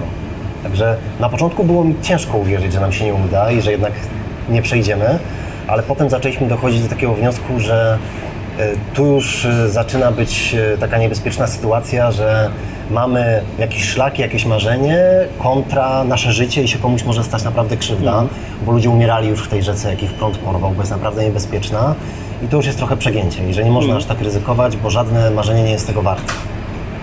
No to dobre podejście, wydaje mi się. Że Takie myślę, że trochę zdrowe. jednak, jednak rea- realizacja nie, nie, czasami nie jest warta tego, e, żeby, żeby poświęcić, żeby zapłacić tą najwyższą cenę za to. No niektórzy poświęcili i niech oni będą przykładem, że nie warto, nie? Ale w, w tym momencie może, mogliście już mieć takie poczucie, że dobra, próbowaliśmy, zrobiliśmy wszystko, co, co, co dało się zrobić w tym momencie, może kiedyś wrócimy. No trochę takie było podejście wtedy. Wtedy jeszcze nie wiedzieliśmy, że za parę dni nam się uda dotrzeć do tego autobusu inaczej, ale myślę, że na pewno wtedy myśleliśmy, że, że jeszcze trzeba będzie kiedyś spróbować, jakoś, nie wiem, lepiej się przygotować, przynieść ze sobą most zwadzony albo mały kajak czy coś takiego i jakoś inaczej próbować. No ale wiedzieliśmy, że będziemy chcieli jeszcze spróbować jakoś inaczej. Ale mi się wydaje, że jednak, yy, bo później po tym wszystkim, jak czy na przykład rozmawiałam z Karolem, czy rozmawiałam z Anią, która też była z nami tam i próbowała z nami yy, dojść do autobusu, yy, no to się w tych rozmowach okazuje, że nie na, tym, nie na tym autobusie jakby najbardziej nam zależało jednak. E, że jak wspominamy już z perspektywy czasu tych miesięcy, to jednak wspominamy tą drogę, jak tam szliśmy, jak te rzeki mniejsze pokonywaliśmy, jak się trzymaliśmy za rączki, próbowaliśmy. Jak tam tą, tą taką wioskę Super Trumpa, jak znaleźliśmy i nazwaliśmy ją e, Super Trump Swoją drogą do dzisiaj wisi ten znak. I ludzie sobie pod nim robią Tak, zdjęcia i oznaczają. I... Stworzyliśmy oficjalną nazwę. No widzisz, założyliśmy No. dostajecie zdjęcia stamtąd. Tak, tak, no. I tak jak wcześniej tam był ten nasz napis, właśnie wioska Super Trumpa, to teraz są dziesiątki różnych napisów. Ludzie coś tam wieszają, zostawiają i taki oficjalny symbol chyba tego No miejsca widzisz, czyli Super Trump zaczął, e, jeszcze nie wiedział wtedy, że zaczął e, projekt Busem przez Świat, a wy wtedy, e, wieszając ten napis, nie wiedzieliście, że być może za- zaczniecie, że tam jakieś miasteczko powstanie. Ja myślę, No że w ogóle gdyby Aleksander Super Trump wiedział, że to pójdzie w tym kierunku, że on dziesiątki tysięcy ludzi zainspiruje, to by się mocno zdziwił. Mhm. Nie miał pojęcia na pewno o tym. No dobra. Trzy miesiące, Kanada, Alaska, ale w pewnym momencie trzeba wrócić do domu. I wspomnieliście, że już macie ten dom, to gniazdko i czy macie tam jakieś miejsce na pamiątki? Jakie pamiątki przywieźliście z Kanady? No ale jakie przyszłość A ty jakie przywiozłeś? Ja zbieram na przykład tablice rejestracyjne z każdego miejsca, To ciekawe, w którym to- jestem. No. I Ola bardzo tego nie lubi, bo ja bym chciał gdzieś te tablice wieszać, ale właśnie nie mamy takiego miejsca i nigdzie mi nie pozwala wieszać. Więc na razie moje miejsce na moje pamiątki to jest po prostu pudło schowane gdzieś tam na szafie i tam sobie zbieram. To wiesz, te- garaż trzeba zbudować. No właśnie, mam nadzieję, że jak kiedyś będę miał swój dom i będę miał garaż, to wtedy sobie to wszystko powyciągam i takie rzeczy Mhm. powieszam. Ja nie jestem zwolennikiem pamiątek, y, pamiątek, pamiątek. Ja, jak ktoś coś nam da, jak na przykład w Australii taka pani nam dała aborygeńskie takie poduszki z malowidłami, właśnie tym charakterystycznym dla aborygeńskiej sztuki, no to te poduszki mamy i one leżą e, w salonie. E, Ale tak, żeby kupować pamiątki i później je gdzieś składować, ja tak nie lubię. Poza tym też do tej Też pory nie nie mieliśmy. No. nie mieliśmy miejsca, nie mieliśmy swojego miejsca, y, bo mieliśmy po prostu pokoje u rodziców w domach, Mhm. y, które już były zagracone po prostu, bo, bo człowiek im starszy, tym więcej ma rzeczy, tak? Tu rower, tu coś, już Mhm. nie ma na nic miejsca. E, Więc jak przywozimy jakieś rzeczy, to takie, żeby je zużyć, w sensie właśnie syrop klonowy wspomniany przez Ciebie, czy jakieś właśnie fajne zioła, e, których nie ma w Polsce, czy jakieś takie właśnie rzeczy do wino spożytkowania. unikalne, które poznaliśmy gdzieś No. w jakiejś małej winnicy, które nie są I łapacze snów. Łapacze snów, nie, nieograniczona ilość łapaczy snów, to tak. U mnie też na ścianie wisi właśnie jeden. No, lubimy je, bo jak nie zatrzymamy ich, to zawsze ktoś z chęcią y, zostanie obdarowany przez nas takim łapaczem. Poza tym my chyba więcej pamiątek przywozimy na przykład dla naszych patronów z Patronite'a, Tak, czy dla no. gdzieś znajomych niż dla siebie. No, też, też tablice rejestracyjne? Też. Tak, bardzo często. No, bardzo często właśnie znajomym czy tam rodzinie przywożę jakąś tablicę i lubię dać w prezencie, ale tak e, najczęściej to lubimy jednak przywieźć albo jakieś wspomnienia po prostu, albo jakieś zdjęcia, czy jakiś film. Ja na przykład się cieszę, że teraz tak dużo tych filmów robimy, bo to jest niesamowita pamiątka i nawet teraz jak Ola dzisiaj rano odpaliła jakiś film z tej ostatniej podróży przez drogę 66, a byliśmy tam przecież dwa miesiące temu, no to już z taką łezką wokół się to ogląda. A co dopiero będzie gdzieś tam kiedyś na emeryturze. No faktycznie. Yy, a drukujecie zdjęcia na przykład? Tak. Tak, my z tych, co zdjęcia muszą mieć w formie fizycznej, bo za często zmienia się te telefony, te przepadają. y, Na Facebooka nie wrzucamy, w sensie na prywatne Facebooki nie wrzucamy zdjęć y, praktycznie żadnych z podróży. Już nie chcemy ludzi denerwować, że my znowu w podróży, a wy znowu w pracy. Okej. Nie lubimy, nie lubimy jak właśnie dużo ludzi, którym się gdzieś tam zaczyna udawać dużo podróżować, nagle dostają Ale wiatr, wiesz, to jest, wasze, to jest wasze życie tak naprawdę, więc No trochę Ktoś tak, może- to jest Ale- nasza praca. ktoś może, no dokładnie, jest życie i praca. Ktoś może, wiesz, robić sobie codziennie zdjęcie, jak jedzie autobusem yy, z domu do pracy. No ale nie prostu- oszukujmy się, ludzie nie robią zdjęć z podróży autobusem, a robią zdjęcie jak jadą tylko gdzieś na małą ale, wycieczkę. ale mo, mogą chcieć, yy, mogą, wiesz, mogą się uśmiechać w duchu, jak patrzą na takie wspaniałe miejsca. No, Tak? No i ja jednak mam takie podejście, że wydaje mi się, że ludzie lubią te zdjęcia i że jednak to gdzieś A tam ja, ich a ja uważam, a mi się wydaje, że jednak ludzi to gdzieś tam, o ile oglądają fanpage, to są tam ludzie, którzy, którzy faktycznie chcą oglądać e, te, te zdjęcia z Okej, podróży. czyli rozróżniamy fanpage, a, a A, Tak, tak, mówisz tak. też o koncie prywatnym. Tak, okej. tak. No, no to No, nie, to, to- znajomych też nie, nie chciałbym denerwować. Nie no, to gdyby ktoś nie chciał oglądać naszych zdjęć, to by nie obserwował naszego fanpage'a, a tak, jeżeli chodzi o prywatne, to już dawno temu wyrośliśmy z tego właśnie, żeby ludzi informować, że znowu gdzieś jesteśmy, znowu nam fajnie, znowu możecie nam zazdrościć. To już nie. kolejne pytanie od widzów. Dajesz. Sandra pyta, czy zdarzyło się wam, żeby ktoś próbował was okraść albo porwać? Niekoniecznie w Kanadzie, niekoniecznie na Alasce, ale wspominaliście o tych ciemnych stronach. Tam na Alasce czy w Kanadzie nie mieliśmy żadnych takich przykrych doświadczeń. Jeżeli chodzi o kradzieże, to mieliśmy parę razy taką sytuację i o dziwo te sytuacje się nie zdarzały gdzieś w tych mało cywilizowanych krajach, tylko w bardzo cywilizowanych, bo po pierwsze w Hiszpanii, w Barcelonie ktoś e, ukradł nam wszystkie bagaże z samochodu, po drugie w Atenach mi ktoś ukradł plecak, a po trzecie jak byliśmy w Rzymie, ktoś próbował ukraść całego busa. O kurde. Włamał się do samochodu, wybił szybę i to pod jakąś atrakcją turystyczną, pod tymi świętymi schodami czy coś takiego. Na, na takim parkingu, gdzie było bardzo dużo ludzi, już y, tam pociął kabelki i siedział w środku i próbował połączyć i odjechać, ale za szybko przyszliśmy do auta. I ten złodziej próbujący ukraść auto zobaczył, że idziemy, rzucił narzędzia i uciekł. Także gdyby nie to, to pewnie byśmy auto stracili, a wiemy, że w Rzymie bardzo często te Volkswageny stare kradną, także mieliśmy dużo szczęścia. Więc Okej. zdarzają się takie kradzieże, ale nie gdzieś tam w dziczy na Alasce. Bo też ludzie nas pytali, jak wy mogliście tego busa zostawić tam na 5 dni i pójść na szlak.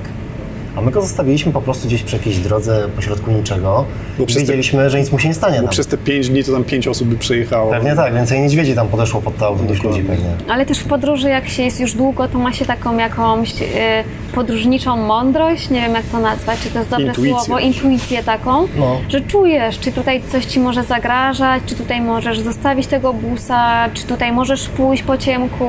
Ola ma bardzo właśnie taką rozbudowaną tą i wyostrzoną intuicję i kiedyś nawet y, pamiętam, że było coś takiego, że byliśmy na jakimś lodowcu i ja bardzo, weszliśmy na sam lodowiec, już byliśmy tam na, na lodzie i Ola, e, ja chciałem bardzo długo robić tam zdjęcia, coś jeszcze nagrywać i tak dalej, a Ola mówi, że nie, za długo już tu jesteśmy, chodź schodzimy, bo ja, ja już nie chcę tu być. I tak wręcz się dziwnie zachowywała. E, I nie wiedziałem czemu, ale ją posłuchałem i zeszliśmy z tego lodowca. I dosłownie 5 minut po tym, jak my opuściliśmy to miejsce gdzieś tam na końcu lodowca, to zerwał się kawał lodowca i to miejsce, w którym staliśmy, po prostu zostało przez lawinę zsypane i zasypane i zmiecione i gdybyśmy tam stali, to nic by nie zostało pod nas, e, po nas, a Ola gdzieś tam wyczuła chyba, że coś się szykuje. Także trzeba zaufać tej intuicji. E, czy coś was rozczarowało? Czy E, coś- Akurat tutaj, Kanada, Alaska? Kanada, Alaska, tak. Coś? W sensie, czy na coś się nastawialiście? Już wspomniałaś o, tych, o, tych, y, o tym smogu, o tym dymie, które... Ale to nie było rozczarowanie, absolutnie. To było wręcz- zaskoczenie bardziej takie. I to Czy, było co, tak... czy coś, czy właśnie, to, to, to jakby może skupmy się na jakiejś takiej jednej rzeczy, na którą się nastawialiście wybitnie, że będzie wow, a okazało się, że, że Ja jednak... już ci mówię, ja już ci mówię. No. Ja już ci mówię, tobie też powiem. E, Zauważyłam, że już od kilku podróży, ja przynajmniej, e, nie wiem jak ty, możesz zaraz powiedzieć jak ty masz, ale ja się w ogóle nie nastawiam na nic. Coś tam sobie przeczytałam, coś tam sobie obejrzałam, coś tam niby wiem, ale ja nie chcę się nastawiać i mieć żadnej wizji na, na podróż. Nie mam żadnych oczekiwań. Co do krajobrazów, co do ludzi, co do miejsc, co do zwierząt, niczego.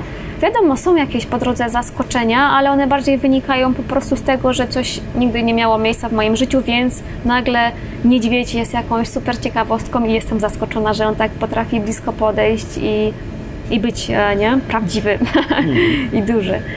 E, Ale właśnie nie mam takich e, takich, że chcę, żeby Alaska była jakaś, bo w mojej wyobraźni jest taka. Bo, bo dużo rozczarowań wtedy przychodzi, gdy, gdy ty masz jakieś oczekiwanie. I właśnie niedawno pytałam się jakiegoś e, dziennikarza, który robił z nami wywiad e, dla poważnego czasopisma i on się, i pytam się go, e, i co, jak wrażenie, jak my, nie? Jak, jak miałeś jakieś wyobrażenia na nasz temat? Jak, jak wypadliśmy w Twoich oczach, a on mówi, że nie, to jest y, Nie zła bardzo. droga. W Nie, sensie, że, że właśnie dobry dziennikarz nie powinien mieć oczekiwań wobec ludzi, nie powinien mieć jakiejś swojej wizji, bo potem rozmawia bo z robi- ludźmi robi przez pryzmat. No. Mhm. I tak samo jest z podróżami. I on mi właśnie tak naświetlił to, że kurczę, ja, ja gdzieś tam podświadomie też od kilku wypraw tak mam, mam że, że się nie nastawiam, tylko właśnie nie wiedziałam z czego to wynika. I właśnie no jest to na pewno, No wiesz, na chyba pewno że, dobre. chyba, że sobie wyobrażasz, że, że będą piękne widoki, a potem dostajesz coś takiego i to przerasta jakby wszelkie oczekiwania. No, nie? No na pewno właśnie Alaska i Kanada to są takie miejsca, które ciężko, żeby cię rozczarowały. No. Bo nie wiem, jakie by trzeba było mieć wyobrażenia, żeby to, co tam spotkasz na żywo, było rozczarowaniem. Mnie na pewno nic tam nie rozczarowało, bo wydaje mi się, że nawet te nasze filmy, które i tak mi się wydaje, że niesamowicie fajnie pokazywały tą Alaskę i można było dzięki nim poczuć, jakby się tam było, no to one i tak w 100% nie oddają tego, jak tam jest pięknie, jaka to jest niesamowita natura, jakie to są olbrzymie przestrzenie i jaka ta Alaska jest piękna.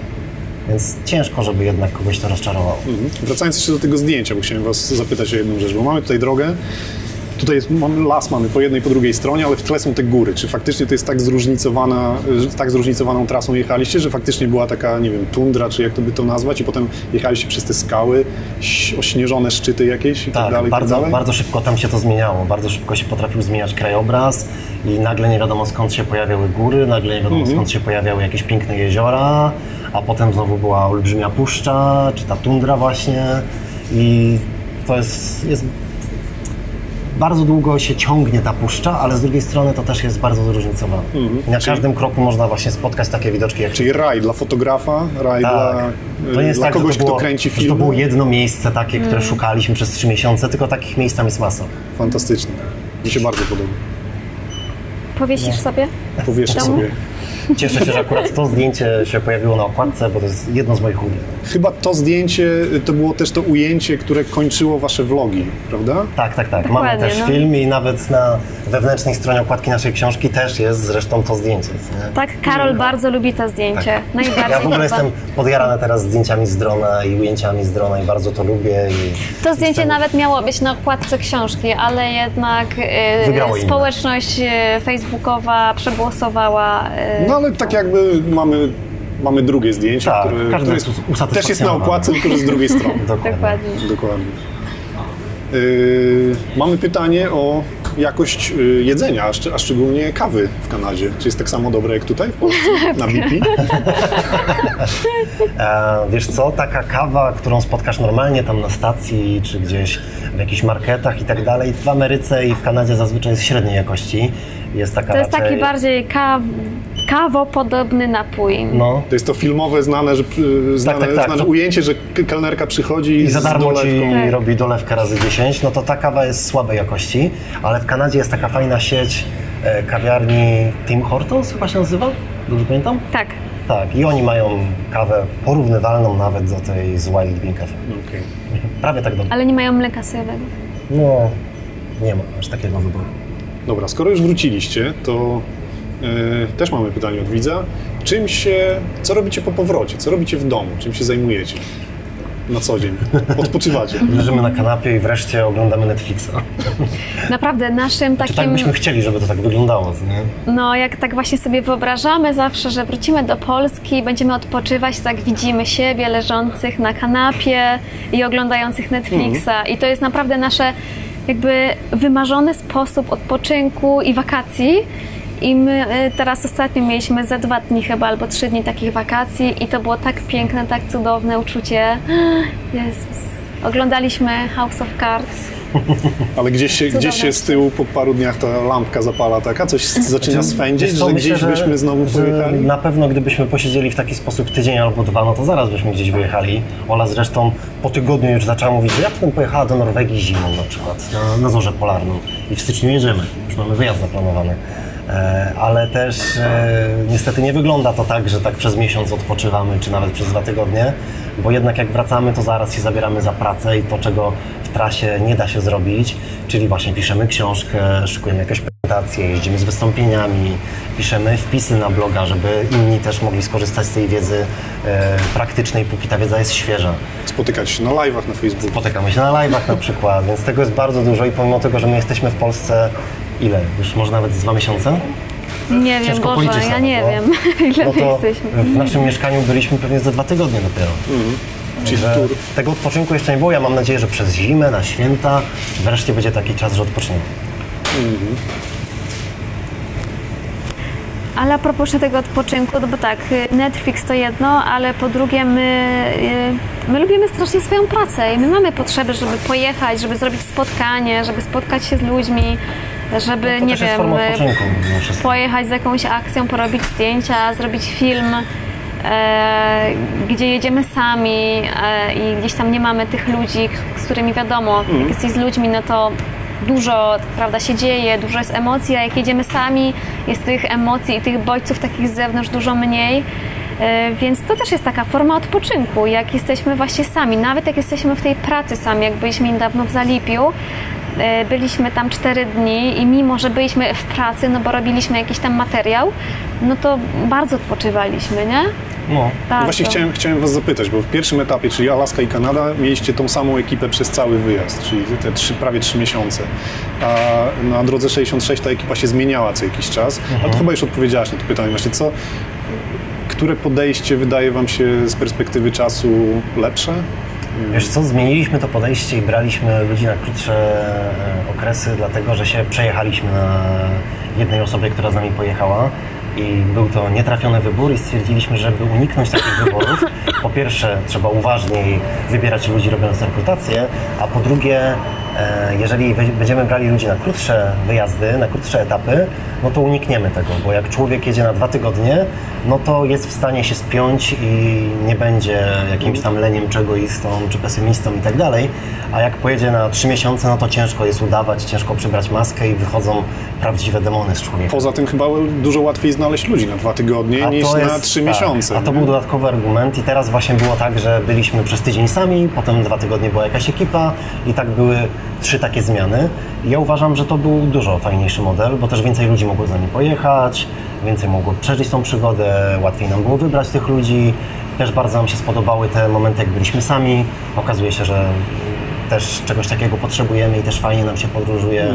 E, podróżuje nam się tylko we dwójkę i myślę, że jak będziemy kontynuowali takie wyjazdy z ludźmi, no to raczej w tym drugim właśnie wariancie, gdzie te etapy są po dwa tygodnie, czy są po prostu krótsze. Okej. To jest chyba fajniejsze po prostu dla nas. to tak, piszecie bloga, montujecie vlogi z podróży, wydajecie książki, generalnie jesteście mega inspirującymi ludźmi. I czy nie boicie się, że gdzieś powstanie jakiś klon busa? Jak to zostało określone w internecie, że, że ktoś po prostu skopiuje totalnie wasz pomysł y, i zacznie w taki sam sposób podróżować i, i... No, My to, znaczy w sumie to Karol te 10 lat temu zaczął to robić właśnie po to. Chciał pokazać ludziom, że jest zwykłym Kowalskim, który nie ma doświadczenia, nie ma pieniędzy, a jednak może wyruszyć w świat i przeżyć fajne przygody. Więc jakby od tego się wszystko zaczęło i jakby trzon naszej twórczości do dzisiaj nie zmienił się. My robimy, robiąc te kolejne nasze podróże, robimy je w takim modelu, ej, ty też możesz to zrobić, ty możesz to zrobić, każdy może to zrobić. Mało tego, w książkach czy na blogu pokazujemy dokładnie, jak to zrobić krok po kroku. Dlatego nas nie dziwi to, że gdzieś powstają jakieś klony naszego projektu czy klony naszego Mm. busa, bo no, skoro ludziom pokazujemy, jak to zrobić, to dobrze, że to robią. I jest już dużo takich, można powiedzieć, klonów, bo my sami znamy około setki takich projektów naśladowczych. Z, tylko z Polski? Tak, z samej Polski, gdzie jakaś grupa studentów kupiła podobne auto, czy nawet podobnie pomalowała i ruszyli w podobną podróż, a nawet byli tacy, którzy brali naszą pierwszą książkę o Europie i strona po stronie jechali przez Europę, próbowali odwiedzić te same miejsca, przeżyć te same przygody i tak dalej. I to jest takie dla nas fajne pokazanie, że faktycznie to, co ludziom pokazujemy działa i że miło, że ktoś to docenia, bo to jest taki chyba najlepszy sposób docenienia, jak ktoś aż tak się inspiruje, że próbuje to powtórzyć. E, Więc na pewno się tego nie obawiamy, bo, bo, bo czego mielibyśmy się tutaj obawiać? Jest tylu ludzi w internecie, którzy mogliby to śledzić, że jak ktoś zacznie śledzić jakiś inny projekt, to może śledzić i nasz, i jeszcze 10 innych i I z każdego projektu wziąć to, co akurat mu pasuje i to, co, to, co, to, co będzie No. na niego działało. Fantastycznie. Wspomnieliście jeszcze o tym, e, tak mi się przypomniało teraz, e, że jedziecie w styczniu na Zorze do Norwegii. A jak z Zorzą w, na Alasce? Bo to podobne, podobne jest, jest, jest. zorza. I Była, ogóle, widzieliście? Wiesz co, są, są Podobno miejsca... była codziennie. Tak, są miejsca, gdzie, w, te, w których byliśmy, gdzie na 365 dni przez 300 w roku jest zorza. I wtedy, kiedy my byliśmy, bardzo często ta zorza była, tylko akurat zawsze mieliśmy pecha, że w nocy, kiedy ta zorza była, wychodziły chmury i my jej nie widzieliśmy. A, Także nie udało nam się ani razu niestety zobaczyć czyli trzeba pojechać na Zorze do Norwegii albo, albo wrócić na Alaskę akurat wtedy, kiedy Nie no, ja mam nadzieję, że ten wyjazd do. Norwegii wystarczy. Ale jednak bardzo możliwe też, bardzo możliwe też, że jednak e, my jesteśmy uczuleni na zorze, zorza na nas i niestety nigdy nam się Odpędzamy. nie uda e, zobaczyć zorzy. Jest też taka opcja. Są na przykład podobno ludzie, którzy, którym zawsze w podróży pada deszcz. Gdzie by nie byli, nawet w jakichś super najbardziej słonecznych miejscach na świecie, to im pada deszcz. A my może jesteśmy ludźmi, którym nie dane jest zobaczyć zorze. Wiesz, zorza to Przekonamy jest, się w styczniu. to jest zjawisko magnetyczne, więc może jakoś gdzieś tam jesteśmy namagnetyzowani i odpychamy tą zorzę. Nie, No może. Ja no, mam nadzieję, że Przyciągamy fajnych Polaków mieszkających na końcu świata, a Odpychamy odpychamy zorze. zorze. Może to tak Hmm. działa. Słuchajcie, Paulina pyta, co robicie, kiedy w trakcie podróży łapie Was ogromna tęsknota za domem? Czy jakieś macie talizmany, które Wam o tym domu przypominają? Nie mamy chyba. Ja wyjmuję z bagażnika schabowego i pierogi i, i przestaję tęsknić. Nie, myślę, że nie mamy chyba takiej tęsknoty. Znaczy, trochę wiadomo, że tęsknimy za tą Polską, ale nawet jak się na 3-4 miesiące, to to nie jest aż tak długo, żeby, żeby gdzieś tam płakać za rosołem. No my zauważyliśmy, że dla nas takim optymalnym, optymalnym czasem w podróży to jest takie 3-4 miesiące i że tak już taki czwarty miesiąc już faktycznie jest ciężki i jest e, no tak, że już byśmy wrócili. E, Ale te trzy miesiące, trzy i pół to jest taki super czas, że nie, nie ma tęsknoty jakiejś takiej. Przynajmniej takich dużych, żeby mieć talizmany. To w drugą stronę teraz. Gdybyście mieli wrócić, gdybym, gdybyście się dowiedzieli, że dobra, jutro możecie wsiąść w samolot i polecieć, to wrócilibyście bardziej na Alaskę czy do Kanady? Czy, to jest, czy nie da się tego odróżnić? Mm, Pewnie gdybym miał jutro Alaskę. polecieć gdziekolwiek, to bym wrócił do Australii, a nie na Alaskę, bo jednak jakoś bardziej chyba ten kierunek wolę. Ale jakbym miał wybierać między Alaską i Kanadą, chyba Alaska, no. Bo, bo jednak e, ta Alaska troszeczkę bardziej nam się spodobała, a też wiemy, że tam jest dużo takich pojedynczych miejsc, które można w, ciągu krótkiego wyjazdu odwiedzić, a Kanada to jest tak olbrzymi kraj, że ja myślę, że musielibyśmy tam wrócić co najmniej na kilka miesięcy Mhm. znowu. Więc to musielibyśmy całą dużą wyprawę jeszcze do Kanady kiedyś zrobić. Cały Yukon, całe te, te, te terytoria północne, bo jeszcze jednak bardzo dużo nie, nie odwiedziliśmy tam. Okej. Słuchajcie. e, Co było najtrudniejsze e, podczas pisania książki? Czy, czy zebranie tego materiału, czy przeredagowanie go, czy wybranie historii, czy, e, czy zdecydowanie, czy, co zatrzymać dla siebie? Ja myślę, że brak czasu, że my jednak y, ciągle sobie wymyślamy coś nowego, jakieś nowe rzeczy, które chcemy zrobić, że gdzieś tego czasu ciągle brakuje. Plus dużo jesteśmy w podróży. No, więc jakbyśmy tak usiedli, to my taką książkę, my długo nie piszemy takiej książki, no bo jakby... Trzy y, miesiące spokojnie. My tam na. Nowe Ameryki nie odkrywamy, my piszemy o swoich przygodach, y, dodajemy do tego trochę faktycznie jakieś tam merytoryki, plus y, taką od strony praktycznej, jak to wszystko organizować, więc tutaj pisania jakiegoś skomplikowanego nie ma. Mamy też bardzo dużo notatek. Ja prowadzę swój taki notes, Jola prowadzi swój pamiętnik. E, I tak naprawdę samo pisanie bardzo łatwo nam przychodzi. Bardzo lubimy pisać. Teraz te pierwsze książki, pierwsze trzy ja pisałem sam, to już pisaliśmy razem. I kolejną o drodze 66 też będziemy pisali razem, a być może nawet niektórzy uczestnicy coś dołożą od siebie, bo też jest taki plan. E, I sam ten proces pisania jest bardzo przyjemny, ja to bardzo lubię, tylko właśnie największy problem to jest chyba ten czas, tak jak Ola mówi. Że gdybyśmy nie robili tych spotkań, nie było tych kolejnych podróży, to pewnie już byśmy kończyli teraz książkę o drodze 66, a tak to mamy dopiero parę stron napisanych. Okej. Więc to jest największym wyzwaniem tutaj. No dobra, dziękuję, ba- dziękuję Wam bardzo. Dziękuję, że byliście z nami. Dziękuję E, Dziękujemy, że byłeś z nami. Bardzo dużo przydatnych informacji. Ja się, ja się też mega dużo dowiedziałem. Mimo tego, że czytałem Waszą książkę dwa razy, to i tak się jeszcze więcej dzisiaj dowiedziałem. Super. E, Bardzo mi się podobają emocje, które przekazu- przekazujecie, te historie, które, które opowiadacie, to, to można obdzielić tym naprawdę, myślę, że wszystkich, którzy, którzy nas dzisiaj oglądali. Zachęcamy też Was bardzo serdecznie do e, śledzenia profilu Busem przez Świat na Facebooku i we wszystkich innych mediach. Zachęcamy do śledzenia BP. A my polecamy Tropimy. tak, jeżeli Przemka lubicie Madzie. Stany, to polecamy też e, blog, bloga Przemka, który pisze bardzo dużo o Stanach. Dziękujemy bardzo. Bardzo się miło rozmawiało. Bardzo fajnie, że byliście z nami dzisiaj. Dzięki, Dzięki za bardzo. rozmowę. Do zobaczenia. Dzięki za oglądanie tego odcinka. Jeżeli nasze historie o Alasce i Kanadzie Was zainteresowały, to polecam Wam naszą książkę Alaska i Kanada, bo to, o czym opowiadaliśmy na tym spotkaniu, to tylko niewielka część tego, co się wydarzyło podczas tej wyprawy, a wszystko opisaliśmy w tej książce. Jeżeli chcecie zamówić tą książkę, to zapraszam do naszego sklepu internetowego i przez najbliższe 48 godzin, jeżeli wpiszecie kod rabatowy BP Polska, to zamówicie tą książkę czy dowolny produkt z naszego sklepu z darmową wysyłką, także bardzo polecam, żeby z tego skorzystać.